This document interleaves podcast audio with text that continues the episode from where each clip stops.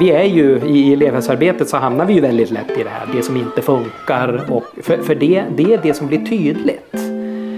Och det, det är därför det är mycket svårare att jobba främjande och förebyggande därför att det handlar om någonting som ska inträffa längre fram i framtiden. Vi ska främja någonting, vi ska förebygga någonting så att det inte blir problem och att det utvecklas mera hälsa och mera lärande. Det är mycket mer abstrakt. Du lyssnar på elevhälsopodden som sprider elevhälsa till alla i klassrummet, i lärarrummet, på skolgården och i korridoren.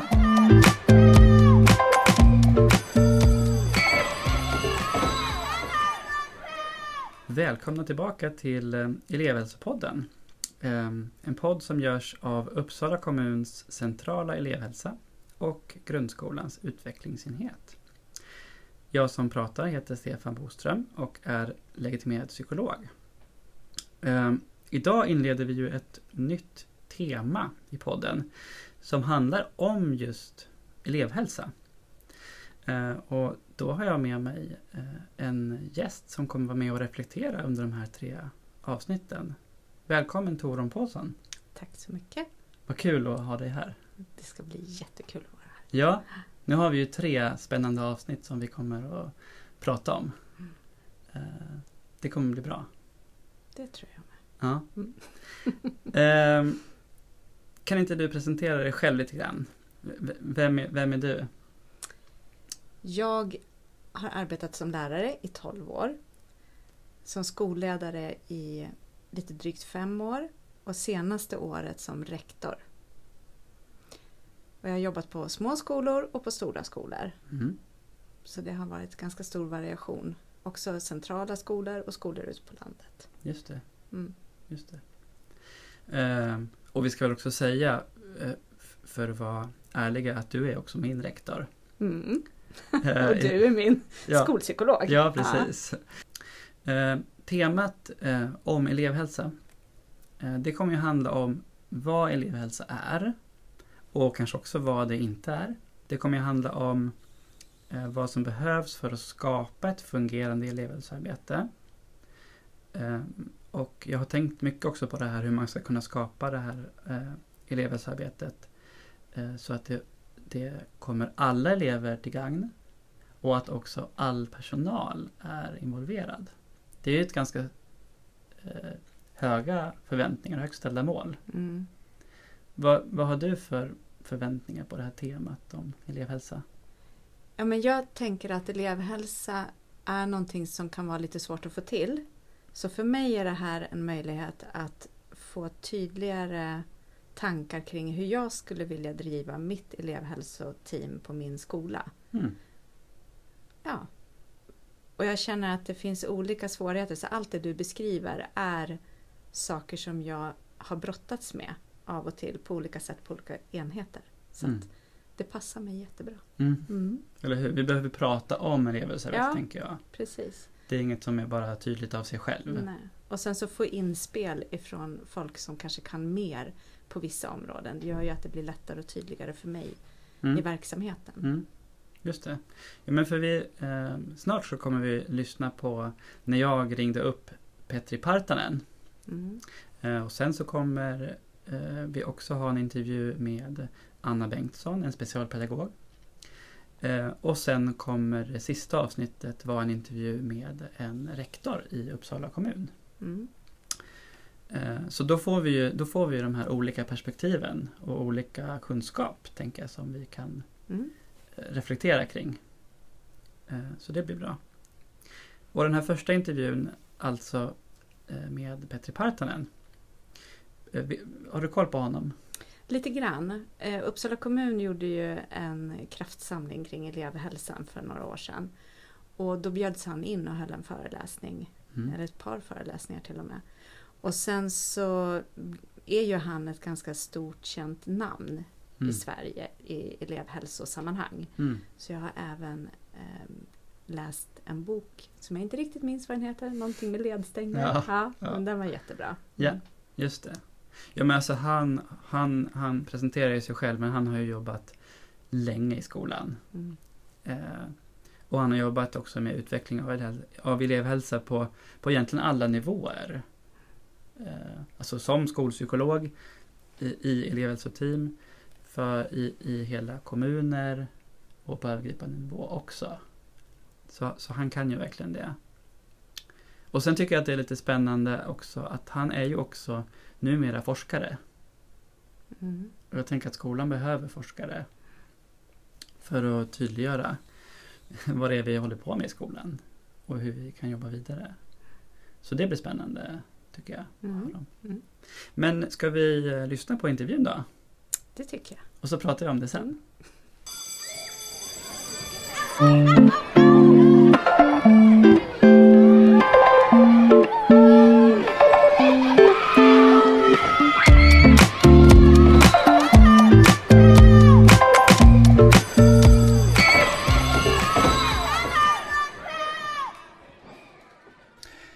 Idag inleder vi ju ett nytt tema om just elevhälsa.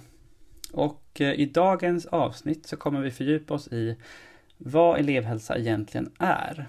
Och kanske också vad det inte är för någonting. Och eh, med anledning av det här temat så är jag superglad att få välkomna vår gäst, Petri Partanen. Välkommen! Tusen tack! Kul att ha dig med i podden. Ja, men jättekul att få vara med. Innan vi sätter igång med mitt eh, frågebatteri, allt som jag är intresserad av att, att prata med dig om, kan inte du bara eh, presentera dig själv och berätta vad du, vad du pysslar med om dagarna? Ja, jag är ju eh, psykolog då och specialist i pedagogisk psykologi. Jag är filosofie doktor i psykologi och eh, har jobbat i, inom området elevhälsa i 25 år. Det är faktiskt 25-årsjubileum nu i vår. Så att, eh, för 25 år sedan så satte jag min fot för första gången eh, eh, på eh, en enhet, en, en elevvårdsenhet hette det på den tiden, i Östersunds kommun där jag har Mhm. jobbat i många år. Och jag fick eh, tilldelat fem skolor och förskolor som tillhörde de här fem skolorna. Och så åkte jag ut i de skolorna och så påbörjade jag mitt eh, arbetsliv som eh, psykolog i förskola och skola helt enkelt. Så att, eh, det har jag gjort i merparten av mitt yrkesliv.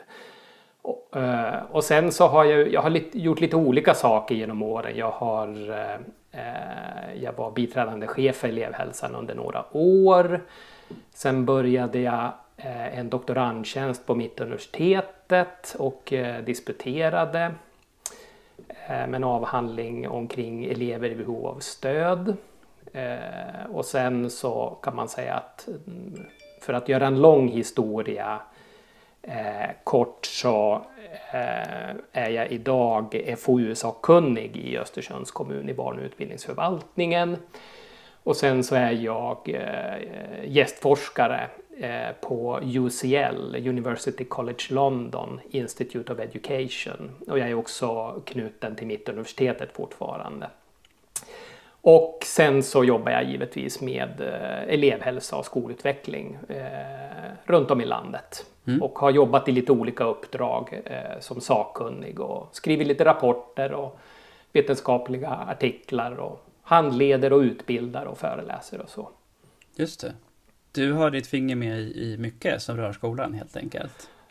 Ja, det, alltså det är ju sådär efter 25 år så när när jag började jobba i, i förskola, skola så efter några år så mina kompisar som pluggade de hade ju som bytt jobb några gånger men jag har varit liksom kvar i den här branschen för att jag brinner verkligen för det här med eh, just elevhälsa och att fundera kring hur kan vi stötta barn och ungdomar på bästa sätt till, till både hälsa och lärande i förskola och skola. Mm, just det. Och då passar det jättebra att vi, för vi ska ju prata om vad elevhälsa är för någonting egentligen. Eh, Mm. Och, och jag tänker att vi, hela avsnittet kommer ju mer eller mindre handla om det. Ja. Eh, Men liksom öppningsfrågan.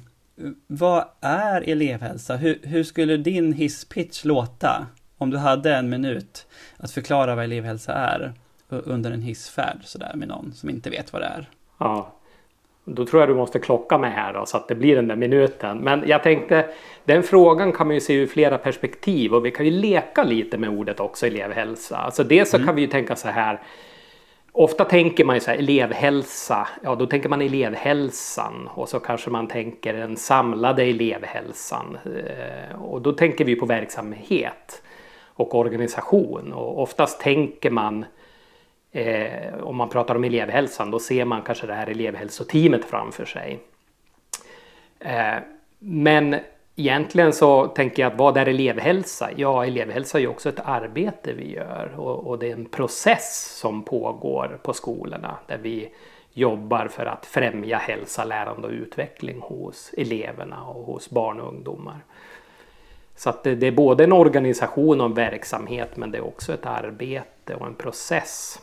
Och mer konkret i vardagen tänker jag att elevhälsa eh, det är ett arbete för att skapa miljöer och, och utveckla undervisning på våra skolor som bidrar till elevernas hälsa, lärande och utveckling. Mm, just det.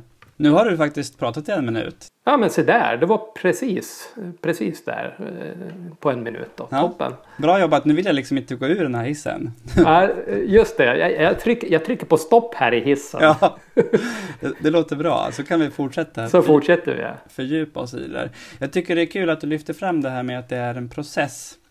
Jag, jag eh, var med och, och ledde ett, ett lärarnätverk här eh, i höstas tillsammans med en, en, en, en person som jobbar med utveckling i, i grundskolan. Eh, och då när vi höll på att rodda med det där, för vi skulle, det, det fokus var elevhälsa. Och Ja. elevhälsa i varje klassrum. Och när vi höll på att rod- rodda med det där och jag gjorde någon presentation. Så slog mig det där just med processen att, att vi kanske behöver se elevhälsa som ett verb Mm. snarare än som ett substantiv. Mm. Ehm, jag tror att det är en, en mer eh, pragmatisk och, och, och, och bättre hållning som kanske mera eh, beskriver vad, vad, vad det är vi ska pyssla med. Om vi Ja. ser det som ett verb helt enkelt. Ja, precis. Det är någonting vi gör. Ja, Ja, det tycker, det tycker jag är absolut rimligt. Och ordet verksamhet behöver ju inte bara betyda liksom en organisation eller något nå rum och, och team och mötesstrukturer utan verksamhet är ju också att vara verksam. Vad, Mm. vad, är det vi, vad är det vi gör så att säga i en sån verksamhet? Så att jag tycker att det är väldigt tilltalande att tänka att det är en process och ett görande också. Ja. Så att nu, när vi har pratat om att det är en process eh, och du kom in lite grann på det här med att skapa miljöer och sådär. Eh, vilk, vilka viktiga begrepp skulle du vilja lyfta fram eh, som utgör det som är elevhälsoarbete då? Ja, det finns en rad begrepp som jag skulle vilja lägga in där. Och, och för att liksom knyta an till frågan om vad är elevhälsa så jag, jag skulle vilja lägga till att, att elevhälsa också är ett arbete för att hjälpa eleverna att nå eh, utvecklas mot målen.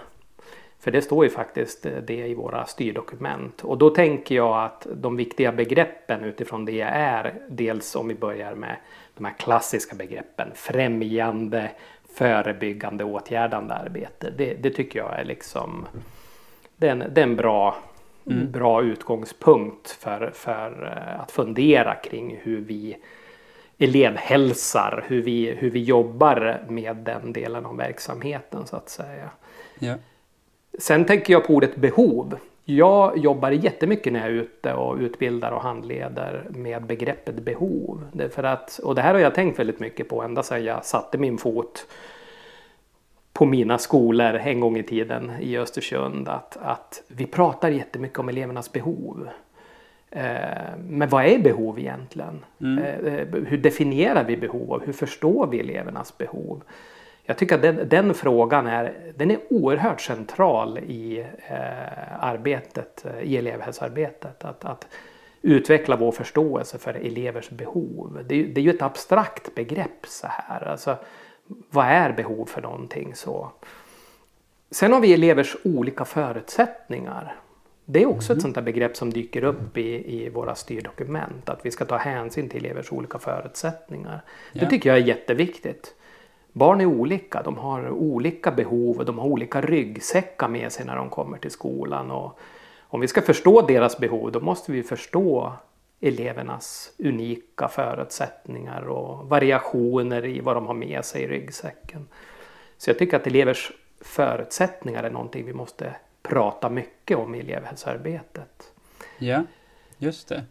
Eh, men, men för, för gå, nu har du lanserat flera centrala begrepp här. Ja. Jag. Kan, kan vi gå tillbaka till det första du sa? Ja. För, för det tror jag man, när man liksom stöt, stöter på elevhälsa så är det här främjande, förebyggande, åtgärdande. Det är något av det första man ofta ja. stöter på, nästan som ett mantra. Eh, det, det är inte alltid helt tydligt vad det är och är det tydligt för mig så är det inte säkert att man tänker likadant. Ja. Kan du förklara vart och ett av de begreppen och lite grann hur de förhåller sig till varandra tänker jag skulle vara bra. Mm. Eh, jag, jag, tänker att här, det som är lite knivigt är ju, är ju när vi pratar om, om begreppen främjande och förebyggande. Att vi har ju också mm, inom hälsovetenskapen till exempel så pratar man ju om, om prevention och promotion, så främjande förebyggande arbete. och, och det är så att, att eh, de här begreppen är inte helt enkla att liksom lägga på plats så här knivskarpt i definitioner. Mm. Men jag brukar jobba, jag brukar börja i åtgärdande arbete. För det är oftast ganska konkret för oss. Vi vet att vi får ehm, eh, vi genomför en massa åtgärdande insatser och det är oftast, om vi förenklar det lite grann, kopplat till att det uppstår problem av olika slag. Och sen vad problem är och vem som upplever problemen om det är en lärare som upplever att det är någonting som inte funkar i klassrummet omkring en elev eller en elevgrupp eller om det är en förälder som hör av sig eller så. Det, det, det kan vara lite olika men, men oftast blir det där ändå ganska tydligt för att dagordningen fylls i elevhälsoteamet till exempel eh, av väldigt ofta på många skolor då av, av, just åtgärdande insatser. Det har uppstått någonting, en lärare flaggar för att det är något så. Eh, det brukar vara ganska tydligt så. Mm. Och det kan ju vara alla möjliga saker som det handlar om. Men sen om vi jobbar då eh, från åtgärdande arbete mot förebyggande. Då tänker jag så här att ja, men förebyggande arbete behöver vi ju förstå i relation till det som är åtgärdande. Och jag brukar använda en ganska enkel definition av vad som är förebyggande arbete. Det är att försöka förebygga så att vi inte får så mycket av de här problemen eller det som vi upplever eh, som blir det åtgärdande arbetet som kan vara mer av akut karaktär. Just det. Så att jag använder ett, ett, ett, eh, ett, ett, liksom ett sånt vardagsdefinition av, av eh, förebyggande arbete. Att vi förebygger så att vi inte senare ska få den typen av problem och åtgärdande arbete som vi har. Ja. Det betyder ju också att förebyggande måste förstås i relation till åtgärdande arbete. Det blir en begreppsmässig historia att liksom fundera på vad är det vi vill förebygga? Ja, vi, vill att, att, vi vill ha frånvaro av någonting. Vi vill att någonting ska upphöra eh, i det åtgärdande arbetet så att säga. Eller någon, mm. någon typ av problem eller ohälsa eller, eller eh, eh, ett lärande som inte inträffar eller så. Och vi vill förebygga att, att de där sakerna eh, så att säga eh, inträffar. Så. Ja. Och då, då, då, är det ju liksom också sen i nästa steg då att fundera kring det främjande arbetet. Vad är det vi vill främja hos eleverna och vad, vad är de viktiga faktorerna som vi ska liksom öka på och, och så att säga främja som vi generellt vet att det är bra om barn får ta del av när de kommer till skolan. Mm. Vad, vad är det för någonting? Och, i det främjande arbetet finns ju sådana här väldigt klassiska saker som trygghet och studiero och goda relationer och så vidare. Främjande och förebyggande, det, det, det är ju inte bara vi ute i vardagen som har svårt att definiera det här. Om man tittar i hälsovetenskap och i, i forskning överhuvudtaget så, så, så eh, det, det, här är liksom nästan som två sidor av ett mynt, främjande och förebyggande. Det är väldigt lätt att hamna ja, men att det blir luddigt kring vad, vad är det ena och vad är det andra så att säga. Därför mm. att oftast om vi säger att vi vill främja goda relationer för vi vet att det, det har ett samband med, med eh, eh, hälsa, välbefinnande, lärande i skolan. Ja, vad vill vi förebygga då? Ja, vi vill förebygga att relationer går i krasch eller går sönder eller, eller eh, liksom, eh, problematiska relationer. Så att det blir liksom två sidor av samma mynt väldigt lätt och mm. det, det här tror jag kan vara lite skapa förvirring också. Just det. Man kanske helt enkelt behöver liksom göra verkstad av det snarare än att fastna allt för mycket. Vad är det vi gör precis just nu? Ja, så, så länge man har den här processen att kanske röra sig mot, mot det främjande och förebyggande. Ja, precis, precis. Jajamensan. Och inte ställa dem mot, i motsats till varandra. För jag, jag upplever, det, det är någonting som när jag, när jag är ute och jobbar så trycker jag på det att det är inte antingen eller. Vi måste ha ett fungerande åtgärdande arbete. Det är inte, det är inte så att man kan liksom eh, så här, nej men vi, vi tänker inte jobba åtgärdande utan vi vill bara jobba främjande och förebyggande. Mm. Eh, därför att eh, i det glappet mellan den visionen och eh, verkligheten, där faller ibland elever mellan stolarna. Vi måste också ha bra rutiner för det åtgärdande arbetet. Mm. Så att det, det, här är tre aspekter av vårt elevhälsoarbete som samtliga måste vara strukturerade och systematiska. Ja, just det. Var hade du något begrepp som du tyckte att du inte nämnde som, som känns viktigt? Nej men förutom främjande förebyggande åtgärder så pratar vi om behov. Att vi ja. måste prata om behoven. Så liksom, hur definierar vi vad behov är? Och också att vi måste prata mer om elevers olika förutsättningar. Eh, mm. Och förstå variationen i förutsättningar. Nu betonas ju väldigt mycket och vi pratar väldigt mycket om vikten av att undervisningen ska vara differentierad och att vi ska ha variation i undervisningen. Och jag, jag menar på att, att, för att förstå behovet av variation i undervisningen måste vi också förstå variationen i elevers olika förutsättningar. Elever kommer med olika ryggsäckar till skolan. Och har vi en bra, lär vi känna våra elever så, så har vi lättare för att också förstå vad som händer när de möter vår undervisning och då har vi också lättare att eh, försöka förebygga misslyckanden men också främja det goda lärandet för eleverna utifrån att vi förstår vilka de är och vad de har med sig. Just det. Men det, men det där tycker jag lät intressant det här att vi behöver lära känna våra elevers förutsättningar. Hur, hur gör man det då? På en skola om man tänker liksom bredare? Ja, jag tänker att eh, det blir ju den här, det här begreppet relations, alltså relationens roll. Jag tänker att relation, relationsarbetet är en av de här fundamenten i att eh, lära känna sina elever. Det är ju, det är ju relationsarbetet i lärandet som eh, det handlar väldigt mycket om. Att lära känna sina elever, att ta sig tid, att bry sig om dem, att eh, ta sig tid att fundera kring eleverna och vilka de är och, och uh, ha ett positivt samspel med eleverna. Mm. Och det vet vi från forskningen också att, att, uh, att relationens roll är en viktig komponent för att främja lärandet hos eleverna. Mm. Mm. Så väldigt förenklat, relationsarbetet är A och O. Men relationsarbetet innebär inte enbart att, att liksom eh, vara en schysst vuxen och bry Nej. sig utan det handlar också om relationen i lärandet. Så. Och här är ju relationsforskningen väldigt intressant för den pekar ju på att det är inte bara den känslomässiga relationen som spelar roll för, för eh, det goda lärandet så att säga mm. i ett främjande arbete mm. utan det handlar också om elevers upplevelse av läraren i klassrummet och i undervisningen. Jag undrar om vi kan uppehålla oss lite grann kring det här med, med relationer. För jag, jag, jag, är en stor förespråkare för att vi ska satsa på relationer och, och vi ska i elevhälsans traditionella professioner behöver vi understödja relationsskapande i hela skolan. Mm. Mm. Men jag tänker att det också är ett, ett tveeggat svärd. För det, mm. det, det är sådär som med många kända begrepp att ja men relation, om man säger så här, ja men relation, vi måste bygga relation med eleven eller läraren måste eh, jobba med det i klassen till exempel. Och då, då nickar alla mm. igenkännande och, och menar verkligen det. Ja. Samtidigt kan det, kan det bli lite luddigt i vad, vad, vad in, men vad innebär det egentligen? Ja. Eh, rent konkret. Ja. För all, alla tänker att de kan bygga relationer, eller de flesta tänker nog det. Mm. Men vad innebär det? Ja.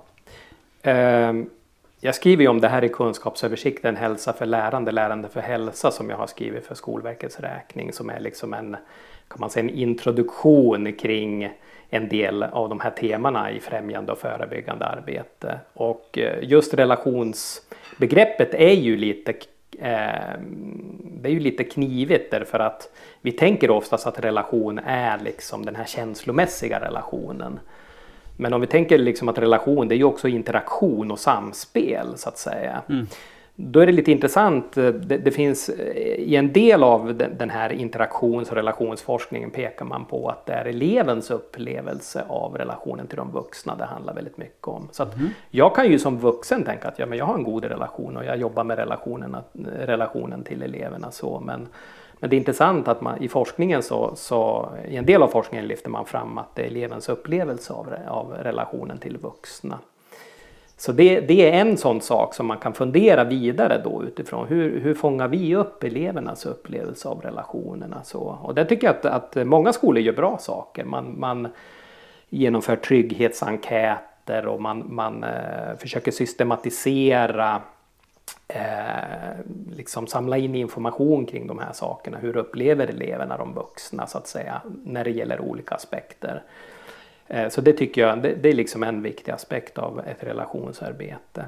Eh, men sen när jag träffar arbetslag så brukar jag prata om att eh, det är för att när jag möter arbetslag av, av lärare, pedagoger så, så igenkänner man nästan alltid de elever där man upplever att relationen inte funkar så att säga. Så mm. att det, det, är lättare att identifiera det åtgärdande arbetet kring relationer. Men sen är det intressant också i forskning att förutom elevers upp, att det är elevers upplevda relation som spelar en roll så är det också att relation liksom kan delas upp i flera delar och där, där är den känslomässiga relationen bara en del av den här upplevda relationen. Mm. En annan del av relationen det är i vilken mån eleverna upplever att de får stöd för att lära sig.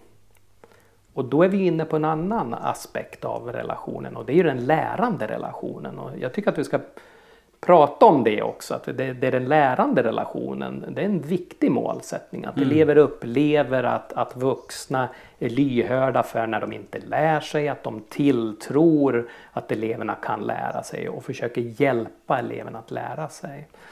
Ja. Så det är liksom en, jag använder uttrycket, det är en didaktisk aspekt av relationsarbetet. Så att vi inte hamnar bara i den här känslomässiga biten. För i princip alla vi som är verksamma i skolans värld är ju överens om att det är viktigt med varma, positiva, känslomässiga relationer. Så mm.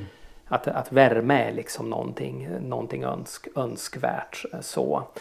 Men det är ju bara en aspekt av relationen. Mm. Den andra aspekten är det här, det, det är det, det didaktiska arbetet och, och det, det, pedagogiska arbetet och hantverket för att hjälpa eleverna att växa, lära sig och uppleva att de liksom, här möter jag en vuxen som verkligen anstränger sig för att jag ska lära mig saker. Just det. Men det, jag tänker att den delen, aspekten av relationen, känns ju mera konkret. Speciellt ja. för oss som jobbar i skolan och kanske också för den breda massan av skolpersonal. Mm. Eftersom det är ju vårt, utbildning är ju vårt huvuduppdrag. Ja. Eh, och det är ju där vi är professionella. Ja, eh, exakt. Och, och, kanske också att det blir, alltså du pratar om de här eh, känslomässiga mot, mot, aspekten mot den här andra aspekten. Att, och, och, som du säger, att om man har, upplever att man har en mindre bra relation till en elev eller en klass eller så. Det kan ju vara svårt att bara addera värme om man inte känner det. Nej. Men däremot om man fokuserar på till exempel den lärande relationen, nu vet ju inte jag om mm. det, så, så tänker jag att det i förlängningen kan leda till positiva känslor och värme. Precis, precis. Och där sätter du fingret på någonting att, att upplevelsen av relationen och, och, så att säga eh, goda relationer det är, också, det är också en effekt av andra saker, av underliggande faktorer som till exempel hur jobbar vi med den lärande relationen eh, didaktiskt i undervisningen så att säga. Ja. Men givetvis också hur vi jobbar med den känslomässiga relationen så att säga, eller de affektiva eller känslomässiga aspekterna av ja intoning att lyssna in eleverna och, försöka tolka deras eh, liksom, känslotillstånd och agera utifrån det på ett bra sätt. Mm, mm. Nu, nu kommer en riktig nördfråga. Vi får se om den kommer, kommer med i, i, i podden. Ja. Um, för jag tycker det är så spännande det här med att, att mäta relationen. Och då sa du att man, man har sett att det är viktigt att mäta elevernas upplevelse av relationen. Har, har man Mm. kunnat se skillnader i sig effekter eller i ja, annat i, i, i forskning om man liksom mäter elevernas upplevelse jämfört med kanske då ja, hur de vuxna skattar relationerna? Jag kan inte referera direkt till, eh, Nej. till eh, studier just när det gäller den biten. Men, men där, där tänker jag liksom mera min, min erfarenhet som psykolog i arbetet. Att, att det, det är ju inte konstigt eh, att vi kan ha olika bilder av en och samma relation så att säga. Det tycker jag gäller i, i många samspel. Att vi, vi, det finns liksom en, en, eh, det kan finnas en skillnad. Eh, Men jag, jag kan inte hänvisa direkt till, till forskning där, där man just eh, har tittat på dem. Det finns ju givetvis i, i, i, eh, för det finns ganska mycket relationsforskning, så finns det ju jämförande studier av den biten. Men jag kan inte på rak arm beskriva just den biten faktiskt. Nej. Så, Ja, men det, jag tycker det är intressant, eh, eh, en intressant aspekt i alla fall. Det här Ja, med, med att man kan ju uppleva relationen olika. ja, Eh, jajamensan. Och, och de- de- den erfarenheten tycker jag att jag har haft i mitt arbete som psykolog. Att, att vi kan ha olika bilder. Och, och att de här bilderna kan också, eh, jag menar eh, om vi befinner oss i samtal i olika rum och samtalar om relationer så kan vi ha olika bilder. Eh, eh, eleven kan ha en bild och personalen kan ha en bild och föräldrarna kan ha en tredje bild så att säga. Det är ju inte helt ovanligt. Mm. Och särskilt när, när det finns problem på, på banan så att säga. Att det är saker och ting som inte funkar så är det ju inte alls ovanligt med, med olika bilder av, av eh, hur saker funkar. Eh, och där tänker jag att även relationen då eh, inbegrips ju i det. Mm, mm. Ehm, nu har vi ju, nu har vi eh, stannat kvar ett tag vid det här med då kopplingen mellan relation och lärande. Ja. Ehm, men eftersom du ändå är författare till den här ra- rapporten, säg vad igen vad den heter. Hälsa för lärande, lärande för hälsa. Ja. Finns det något annat som du vill lyfta fram ur den? Ja, alltså den innehåller ju ett antal teman som, som knyter an till, till ett främjande och förebyggande elevhälsoarbete. Och, och jag menar, jag berör ju både det här med, med, med ja, men, till exempel fysisk hälsa och lärande. Eh, jag berör delaktighetsforskningen, eh, alltså elevers delaktighet och engagemang i lärandet som en, som en framgångsfaktor och en, en främjande faktor. Men jag skulle vilja särskilt lyfta fram det här med, med eh, elevers självregleringsförmåga, för det, det är också ett av mina teman och det är mina forskningsområden som forskare Mm. eh, och, och som jag också som praktiserande psykolog har sett att väldigt många elever som blir föremål för eh, elevhälsoinsatser så är den, finns det frågeställningar just kring det här med koncentration, uppmärksamhet, uthållighet i lärandet. Och det är ju eh, saker som är kopplade till elevers självreglering, det vill säga deras självregleringsförmåga att kunna planera, genomföra och avsluta aktiviteter i lärandet. Eh, och jag har i min egen forskning sett att, att eh, eh, i en studie att, att var, var mer än var tredje elev som blev föremål för en elevhälsoinsats och en utredning så fanns det den typen av frågeställningar. Så Mm. att eh, jag skulle verkligen vilja slå ett slag för att vi pratar mer om självreglering och Självreglering är ju en, en del av elevers förutsättningar. De, de har med sig en ryggsäck eh, där självregleringsförmåga är en sån underliggande förmåga som påverkar dem väldigt mycket när de möter undervisningen. Så. Och ibland blir det krockar i, i det mötet. Så att fördjupa vår förståelse av eh, sådana här saker som självreglering och planeringsförmåga, metakognition som är en del av mitt forskningsområde som, som handlar om hur elever lär sig att, att reflektera om sitt lärande och hur de lär sig att reflektera om sin förmåga att kunna reglera sig själv. Det, det är ett stort område där, där vi behöver jobba mycket mer förebyggande och också främjande. Mm. Men självreglering säger du. Jag, jag, tror att väldigt många som lyssnar som jobbar i skolan kan en, man, man, kan liksom få en bild av den där eleven eller de där eleverna som har som man ser har mer svårigheter med mm. självreglering. Mm. Uh, så, så, att jag tänker att det, det, det, det om något gör att man skulle fördjupa sig i den här rapporten som du har skrivit. Mm. Uh, vad, men om man tänker, tänker att man uh, vi pratar med någon som, som jobbar i en klass och som ser den här eleven framför sig. Va, vad skulle den kunna, hur kan man lära känna den här elevens förutsättningar kring självreglering? Vad är liksom ett första steg, tänker du? Ja, eh, jag tänker ju att först eh, behöver man ju jobba lite grann med självregleringsbegreppet. Så mm. att, att uh, fundera på hur visar sig självreglering i, i skolans vardag. Och jag använder ju en sån eh, ganska enkel modell, en 3, och den är ju, är ju baserad i självregleringsforskning. Alltså att vi funderar kring hur klarar elever av att planera? Så det är liksom första steget i en, en kedja som mm. pågår i väldigt många mikrosituationer i undervisningarna. Så att en lärare startar upp en lektion och Eh, har en genomgång eller går igenom eh, strukturen på lektionen eh, och målet och syftet och, och, har kanske en kunskapsgenomgång.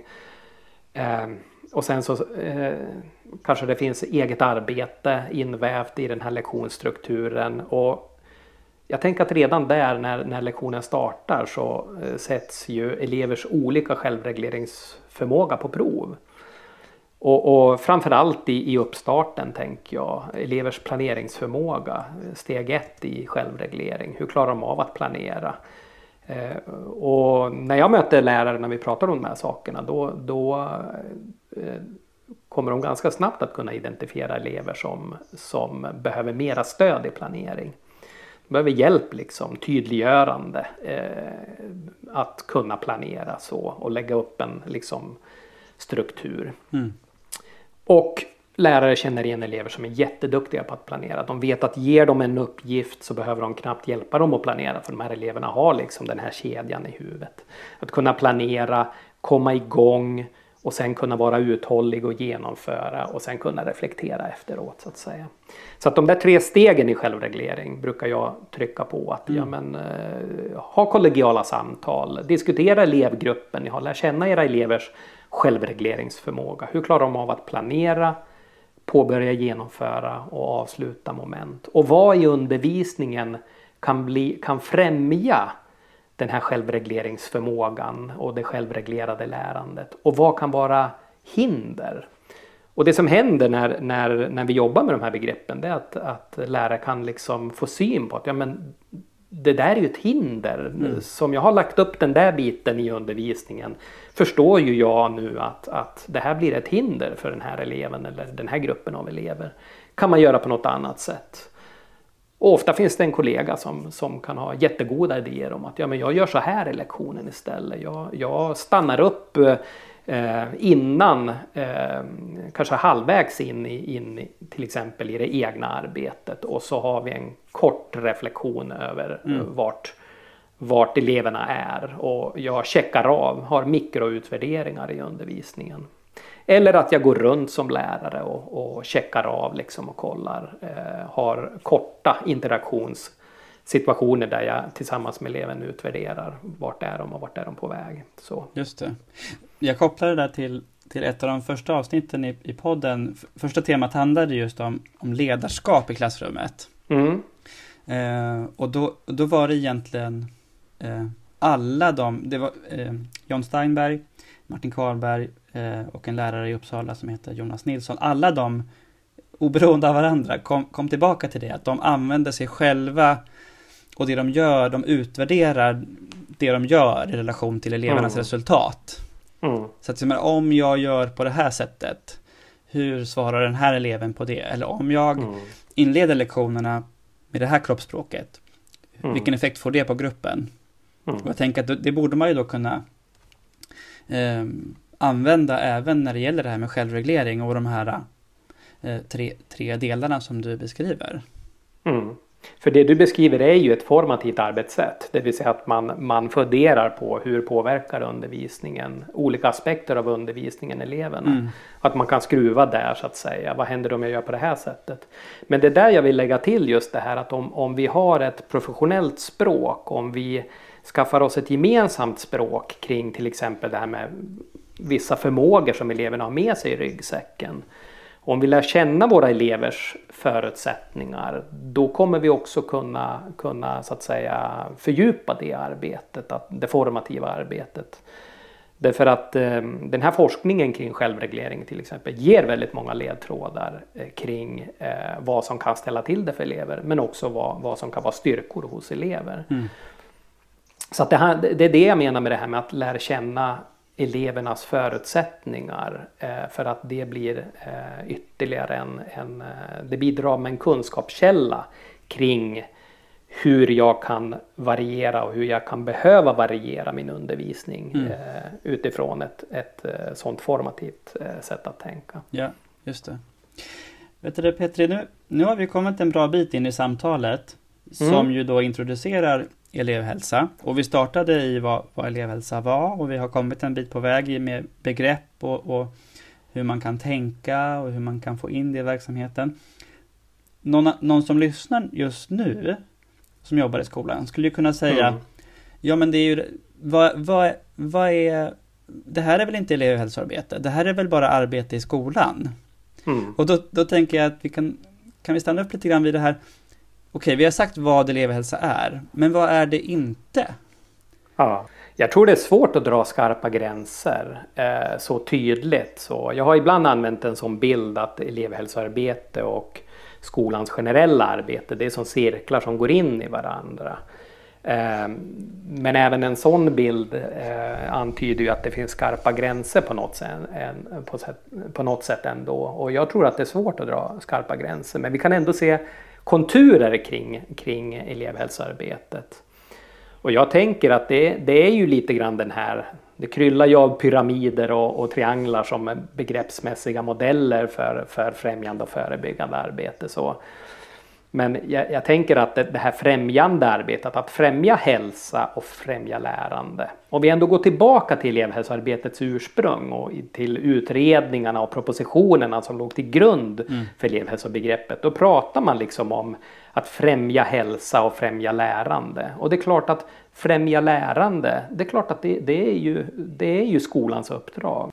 Eh, och om man eh, backar tillbaka till, eh, till eh, liksom ursprunget för elevhälsobegreppet så skriv, skrivs det i styrdokumenten att, att eh, elevhälsoarbetet eller arbetet för att främja elevers hälsa och lärande inte är någonting särskilt från skolans generella uppdrag. Och, och det, det, tror jag liksom fångar lite grann det här att elevhälsoarbetet är en del av det generella eh, arbetet i skolan. Samtidigt kan vi ju ändå se att, att vi, vi har någonting som kallas i skollagen, vi har elevhälsopersonal och det är vissa processer som ska finnas på plats. Eh, men man kan väl säga att i den här triangeln där vi har det främjande arbetet i basen, ett generellt främjande arbete. Det är ju ett arbete som i hög grad liksom eh, handlar om det generella främjande arbetet i skolan, eh, om allas uppdrag.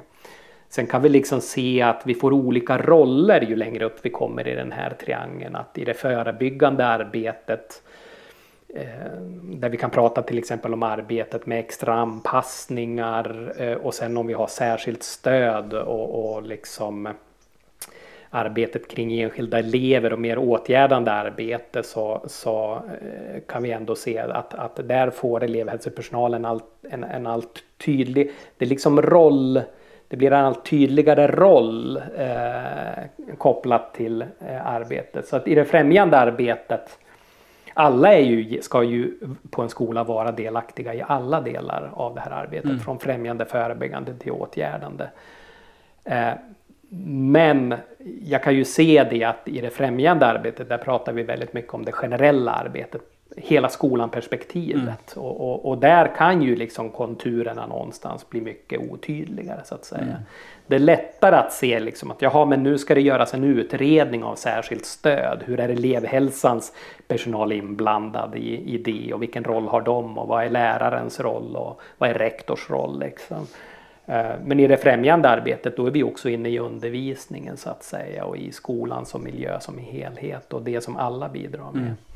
Så det här gör ju att konturerna är ju luddiga och jag, jag, tror inte att man ska leta efter en jättetydlig eh, kontur heller liksom. Utan mera fundera på hur jobbar vi med de här olika mm. processerna. Mm. Främjande, förebyggande, åtgärdande. Mm. Vilken roll har var och en på skolan i de här eh, aspekterna? Hur ser våra rutiner ut? Och vad är det vi vill åstadkomma i, i de här processerna så att mm. säga. Mm. Något jag, något jag tar med mig när du berättar det är väl ändå det här att som när man skrev fram elevhälsoarbetet där någon gång 2010, 2011 eh, eller ändrade inriktning, då, då, var det just att man ville skriva fram det, det främjande arbetet mm. liksom. Ja, precis. Och det du har, det du har pratat om mycket i samtalet, det är att vi lägger till kompetens i det. Vi lägger till mm. begrepp, teorier, forskning, mm. konkret kompetens i olika yrkesgrupper. Mm. Ehm, det, och, det, och det är det som är, det, det, är den här processen som skolan ska vara i liksom. Snarare ja, än precis. att det är någon, det, det tillkom någonting som inte fanns förut eller sådär. Ja. Ja, för det här är ju systemiskt. Jag, jag, menar, vi kan inte förstå främjande och förebyggande arbete utan att titta på det åtgärdande arbetet. Så att man måste ju titta på, på hur de här, hur, hur jobbar vi med den här kedjan? Ibland använder jag uttrycken ledning och stimulans, extra anpassningar, särskilt stöd då, som, som en del av det här främjande, förebyggande, åtgärdande arbetet. Det är ju inte heller riktigt uttömmande för att det finns många facetter i elevhälsoarbetet. Vi har inte minst den medicinska delen i elevhälsan som jobbar till exempel med hälsosamtal och, och, och man, må, man, måste ha ett tvärprofessionellt tänk kring elevhälsoarbetet så att vi verkligen täcker in liksom den här helheten. Vi får inte tappa bort det så att säga. Mm. Men det är klart att ledning och stimulans, extra anpassningar och särskilt stöd, eh, det är en viktig kedja som måste funka på en skola och i en förvaltning och i en kommun. Ja, just det. Just det. Petri, vi ska börja knyta ihop säcken kring det här samtalet. Mm. Eh, men jag, jag, har en fråga som jag, som jag vill ställa innan vi slutar. Ehm, och det handlar om vad tycker du är som mest spännande just nu när det kommer till elevhälsa? Vad, vad liksom får igång dig just nu? Vad, vad, vad, vad, vad vill du grotta ner dig i och bara, bara komma vidare med liksom sådär? Ja, då tänker jag mycket på mitt arbete ute i landet för jag är ute i många kommuner och, och jobbar både på enskilda skolor och i, i förvaltningar. Någonting som jag tycker är spännande det är att elevhälsofrågorna är på banan eller de är på tapeten på ett helt annat sätt jämfört med tio år sedan när, när nya skollagen kom. Och, och jag menar elevhälsobegreppet det kom ju i början av 2000-talet så att säga. Så att vi har 20 år av, mm. av att vi har närmat oss elevhälsobegreppet och försökt förstå det. Det finns mycket kvar att göra men jag tycker att, att det är på tapeten och på banan på ett helt annat, på agendan på ett helt annat sätt och det tycker jag är mm. jättespännande. Alltså att det, det, diskuteras och det analyseras och eh, man försöker ta mycket mer systematiska ansatser kring att få det här arbetet att kvalitetssäkras och systematiseras. Eh, så att det, det tycker jag är, är, spännande och jag tycker också att det är spännande att också, börja, att, att också beröra frågan vad är det vi redan gör idag som är sånt som vi skulle beteckna som främjande, förebyggande, åtgärdande arbete så att säga. Och då vill jag säga att det görs mycket bra arbete också. Jag menar vi, vi är ju i elevhälsoarbetet så hamnar vi ju väldigt lätt i det här, det som inte funkar och för, för det, det är det som blir tydligt. Och det, det är därför Mm. det är mycket svårare att jobba främjande och förebyggande. Därför att det handlar om någonting som ska inträffa längre fram i framtiden. Vi ska främja någonting, vi ska förebygga någonting så att det inte blir problem och att det utvecklas mera hälsa och mera lärande. Det är mycket mer abstrakt än det här som är problematiskt. Det, pockar, det som är problem pockar på mycket mer av vår uppmärksamhet.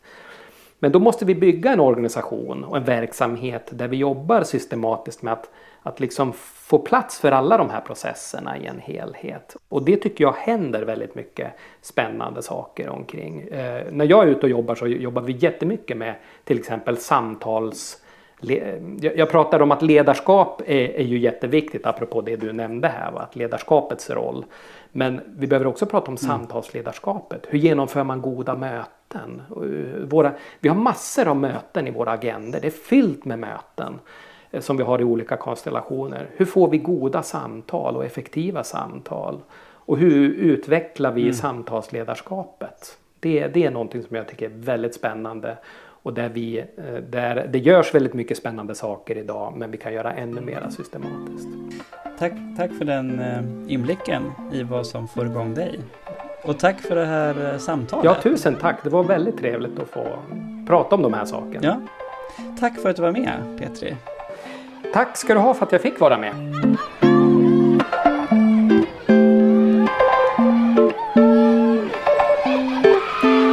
Då är vi tillbaka efter att ha lyssnat på samtalet eh, med Petri. Spännande. Eh, en sak som jag tänkte på som fastnade hos mig, det var det här med eh, att elevhälsa är ju någonting som vi gör.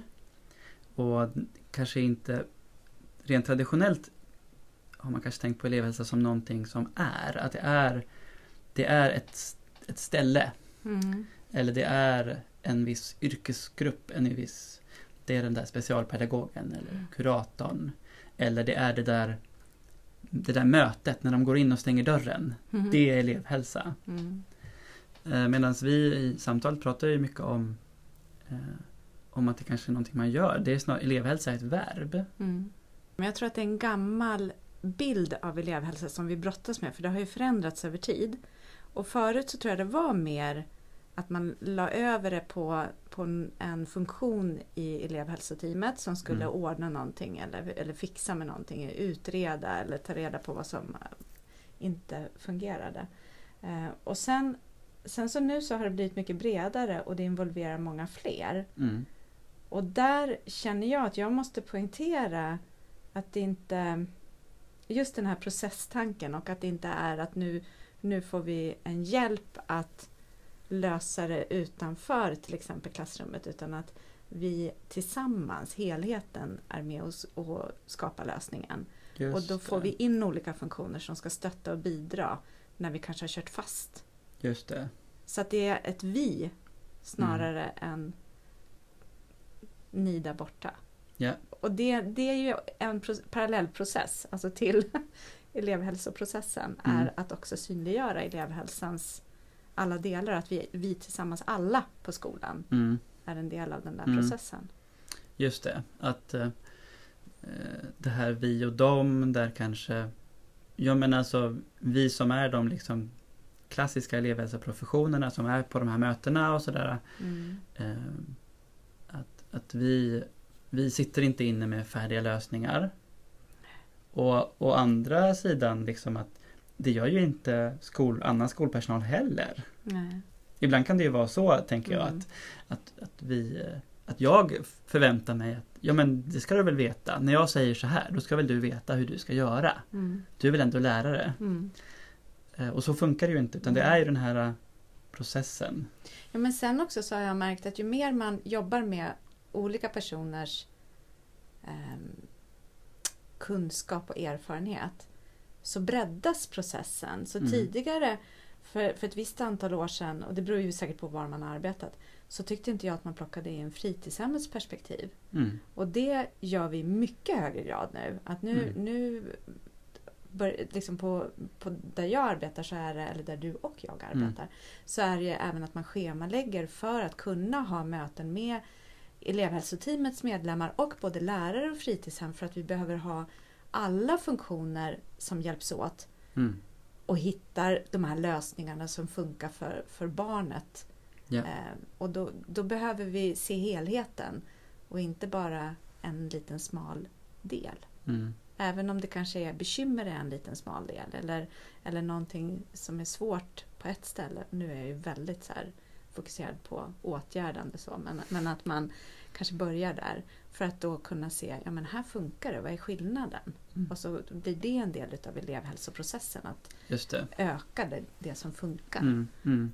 Ja, men du pratar om att man till exempel då tar in fritidshemmet som ju är en jätteviktig del i skolans helhet. Mm. Och då tänker jag också att man tar in också elev, eh, fritidshemmets kompetens. Ja, precis. Eh, precis. Det är ju en unik kompetens liksom, Mm. som man både är utbildad för Mm. i många fall, eller i Mm. bästa fall, eh, och också en erfarenhetsbank som man bygger Mm. upp om man jobbar i fritidshem, som inte andra i skolan Mm. har. Mm. Och den, den kompetensen behövs. Ja, och vi har ju märkt att när vi på ett mer systematiskt sätt väver in hela skoldagen Mm.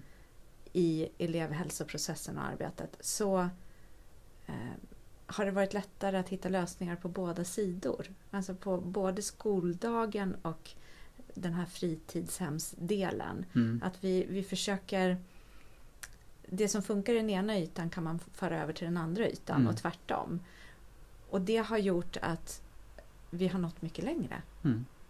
De barnen har mått bättre. Det har Mm. varit lättare att hitta lösningar. Just det. För barnet har ju en skoldag. Ja. Den tänker ju kanske inte nu går till Nej. fritids. Mm. Utan den tänker bara, den är på skolan. Eller Mm. hemma. Mm, precis. Hade du några tankar om samtalet med Petri? Ja, jag fastnade för flera saker. Mm. Eh, bland annat så tyckte jag jättemycket om det här när man pratar om främjande förebyggande åtgärdande. Ja. Att kanske börja i åtgärdande och sen som jag tänker baklänges planering, att man, att man successivt backar så att man hamnar i den här främjande rutan. I Mm. och med att det är så, vi är mer vana att åtgärda. Mm. Eh, och det, det gjorde att jag kände att det blev lättare, jag fick ett redskap att lättare styra över det på främjande arbete. Genom att inte på en gång tänka att jag misslyckas om jag hela tiden pratar om åtgärdande. Men, Mm. men det kan vara startskottet för att komma in i de här ytorna som vi vill befinna oss i men som, som av naturliga skäl hamnar lägre prioriterat när vi Mm. har ett akutläge av, Mm. av något slag. Så det tyckte jag jättemycket om. Eh, och sen så var det nytt för mig, den här tanken kring eh, relationer. Ja. Jag har ju tänkt mycket känslomässigt, att, att det är så vi bygger relationer. Men i intervjun så blev det väldigt tydligt för mig att den här delen när vi pratar kring lärandet, den är minst lika viktig. Mm. Och den kan vara lättare att börja med tror jag. Just det. Att, att vi, vi möts kring lärandet under skoldagen, hela skoldagen, även fritidshemmet, så kan det vara att där får vi syn på saker och möts i en dialog och kan sen bygga upp det här känslomässiga. Mm. Och jag tror att man genom att mötas där också bygger upp relationer. Man känner sig sedd och bekräftad i att du ser var jag befinner mig och du hjälper mig att förflytta mig och utveckla mig. Mm.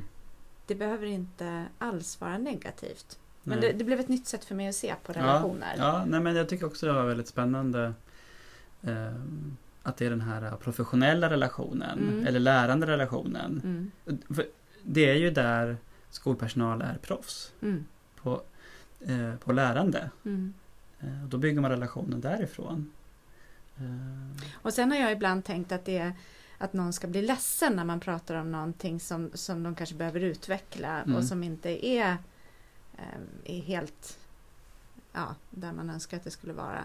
Men när man gör det så tycker jag att, att jag märker att den personen känner sig ännu mera sedd. mm, Trots att det är någonting jobbigt som jag ser eller sätter fingret på mm, så kan det vara att, att jag genom att se det och uttala det och bekräfta det och möta den personen där, då, då lyfter jag också av en börda från, Mm. från både elever och vuxna. Det kan ju Ja, för föras över nu, på nu vuxna. låter det som att jag nästan pratar om vuxna, Ja, jag tänker ju lite grann i min roll som skolledare Ja, faktiskt. Men det funkar, det funkar liksom på både och. Men att Ja. ibland så kan vi ju ducka för svåra samtal Mm.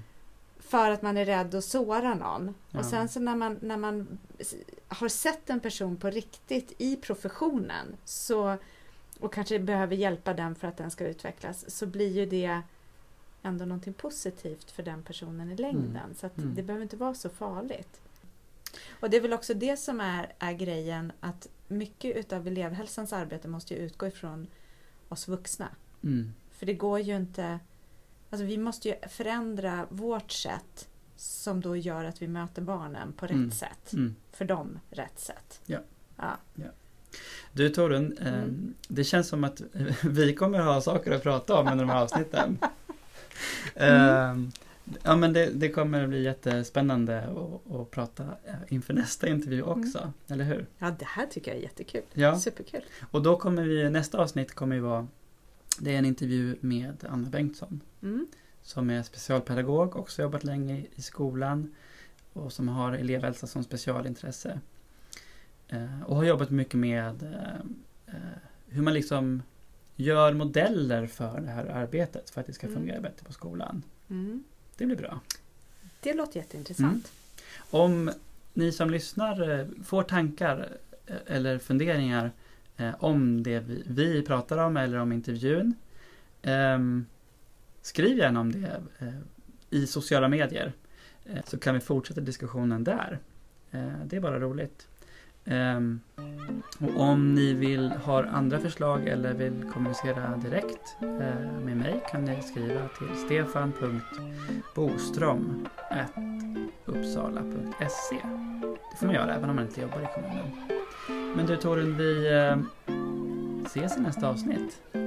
Då fortsätter diskussionen. Absolut. Och kanske lite däremellan. Ja.